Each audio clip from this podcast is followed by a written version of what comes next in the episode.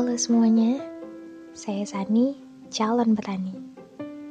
Selamat datang di podcast perdana saya, yang saya harap bisa bermanfaat baik bagi kalian maupun bagi saya pribadi. Sebelumnya perkenalkan, saya Sania Rozana Hoiria, seorang mahasiswi di salah satu universitas di Bandung. Dan kodarullah, saya ada di jurusan agroteknologi atau lebih dikenal dengan pertanian. Apa kabar semuanya? Saya harap selalu dalam lindungan Sang Halik dan selalu dalam keridoannya. Ramadan kali ini memang cukup berbeda ya. Yang mulanya saling tatap muka, sekarang hanya bisa tukar cerita lewat udara. Yang mulanya riuh di keramaian, sekarang hanya berteman baik dengan kesepian. Ayolah, ini bukan podcast penyair ini podcast para calon petani. Selama masa karantin ini, apa sih yang kalian rasain? Bosen kah? Bete? Malah jadi mager? Atau sebaliknya? Apa pun itu, yang pasti jangan lupa disyukuri. Ambil hikmahnya dari setiap kejadian yang ada. Itu kata mamaku. Oke, okay, pada kesempatan kali ini aku akan sedikit sharing tentang aktivitas selama karantin di rumah. Banyak hal yang bisa kita lakukan walaupun kita tetap stay at home, ya nggak sih? Kalau aku pribadi, demi mengisi kegabutan, nggak sih? Sebenarnya karena tuntutan, aku mulai aktif lagi berkebun di rumah. Ya sebenarnya anak pertanian juga nggak melulu waktunya dihabiskan dengan berkebun ya sobat. Jadi di semester ini ada salah satu mata kuliah yaitu budidaya tanaman hortikultura yang menuntut kami untuk memperkaya pengalaman dalam budidaya. Ya pastilah ya, calon petani. Kekebayang aja kalau petani nggak bisa nanam. Mau jadi apa ke depannya negara agraris ini? Mm-mm-mm. Nah, berhubung kami nggak bisa praktikum di lahan, jadi terpaksa deh kami harus praktikum masing-masing di rumah. Kayak apa tuh praktikum di rumah? Nanam virtual, nanam angan, atau nanam kebaikan? Itu sih wajib ya sobat. Ya, intinya di sini kami memanfaatkan apa yang ada di rumah untuk praktikum. Kayak semisal kami menanam bumbu dapur, daun bawang, seledri, jahe, atau apa pun itu. Yang pasti bumbu dapur yang bisa ditanam, bukan bumbu dapur sashetan ya sobat, karena itu nggak bisa ditanam. Nah kemarin, aku udah coba nanam beberapa tanaman, seperti bayam, daun bawang, seledri, dan yang terakhir adalah bawang putih. Prosesnya ini sangat gampang loh sobat. Hal yang harus kita persiapkan pertama-tama adalah niat dan kemauan. Karena dengan niat dan kemauan, kita ke depannya akan melakukan prosesnya itu dengan sepenuh hati, gak akan cepat mengeluh, atau lain sebagainya. Nah, selanjutnya jangan lupa persiapkan juga bahan yang kita perlukan, seperti benih atau bibit yang akan ditanam, media tanamnya, serta tempat untuk kita akan menanamnya. Untuk media tanam sendiri, di sini aku menggunakan campuran antara tanah dan pupuk kandang dengan perbandingan 2 banding 1. Sebelum aku tanam, media ini aku fermentasikan terlebih dahulu selama satu minggu, yang fungsinya untuk mengurai bahan organik dari pupuk kandang yang kita gunakan. Jadi media tanam kita akan kaya akan nutrisi, so tanaman kita bisa tumbuh dengan optimal. Dan pada proses pemeliharaannya, aku nggak melakukan perlakuan khusus, tapi seharusnya dilakukan proses pemupukan susulan ya sobat. Berhubung bahannya terbatas, jadi aku menggunakan alternatif lain, yaitu menggunakan air bekas cucian beras. Ternyata, eh ternyata, air bekas cucian beras ini gak hanya bermanfaat untuk kecantikan kulit doang loh sobat, jadi, air ini akan bermanfaat untuk merangsang pertumbuhan tanaman dengan meningkatkan jumlah klorofil dalam tanaman tersebut. So, dia akan berpengaruh terhadap fot proses fotosintesisnya itu.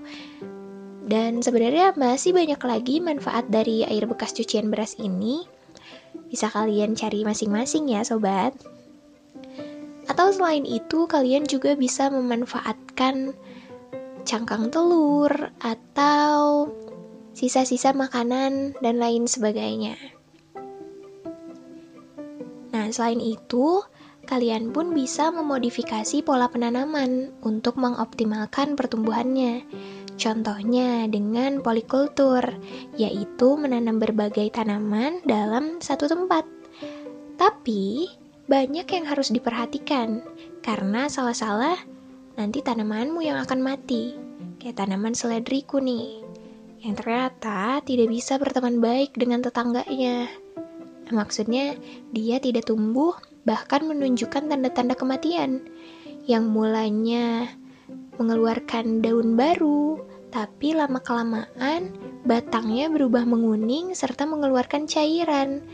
Seperti busuk gitu loh sobat. Jadi ya terpaksa deh harus aku cabut.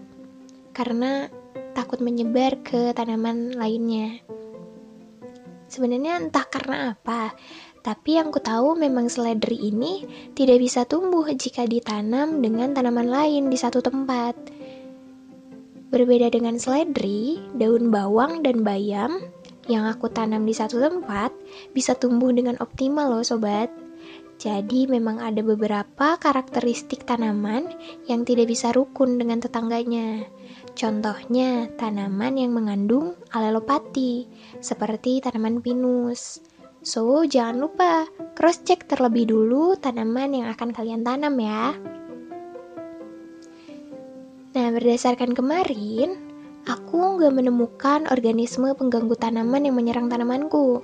Karena memang ini hanya skala kecil dan tanaman yang ditanam pun cukup beragam, sehingga hama tidak terpanggil atau tertarik untuk memakan tanaman kita. So, tanaman kita aman deh. Tapi lain hal dengan salah satu temanku yang menanam sawi sendok atau pakcoy di daerah Purwakarta. Gini ceritanya sobat.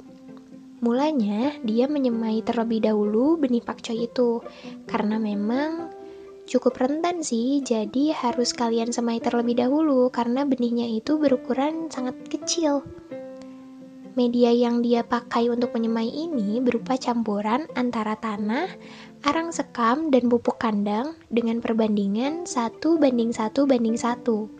Dan alhamdulillah, benih tersebut tumbuh dengan optimal sampai saatnya pindah tanam ke media baru, dia dihadapkan ujian yang cukup berat menurutku, di mana tanamannya itu dimakan oleh tikus-tikus yang kelaparan. Ya ampun, sedih banget gak sih? Kita sudah merawat tanaman itu, tapi tiba-tiba raib gitu aja. Gak apa-apa sih, sebenarnya ini masuk sedekah ya, tapi tetap sedih. Ya udah sih. Tapi dia nggak putus asa sampai di situ loh sobat. Ia pun mulai dari awal lagi menyemainya, merawatnya penuh kasih, dan mengantisipasi dari serangan itu, dari serangan si tikus itu. Caranya gimana? Dia memasukkan tanamannya ke kandang. Iya loh, kandang sobat. Buat hewan peliharaan. Masya Allah, emang kreatif sekali ya orang ini. jadi emang ini bisa jadi salah satu alternatif yang patut dicoba loh sobat. Buktinya, sampai sekarang tanamannya itu tumbuh dengan optimal dan mungkin udah dimasak pakai mie instan. Nah, buat kalian semua yang masih ingin tahu tentang pertanian atau cerita-cerita menarik tentang bertani di rumah, kalian bisa mampir ke blogspot kami di petaniharapanbangsa.blogspot.com atau kalian bisa lihat di kolom deskripsi ya sobat. Nah, kalian juga bisa lihat artikelku dengan NIM 1177060073 atau temanku yang tadi 1177060072. Jangan lupa dicek ya sobat karena itu akan sangat bermanfaat, insya Allah. Jadi sobat, pertanian itu sangat mudah bagi orang-orang yang mau. So, buat kalian, jangan takut untuk coba nanam ya. Kalaupun banyak ujian dan halangan yang menerpa, jangan putus asa dan tetap semangat untuk mencoba hal baru. Karena mulai dari hal yang terkecil untuk merubah kehidupan kita. Oke, bukan maksud hati ingin menggurui, tapi di sini hanya sekedar berbagi. Sekian dari Sani, calon petani. Tetap jaga kesehatan semuanya. Sampai berjumpa hingga waktu yang tak terduga.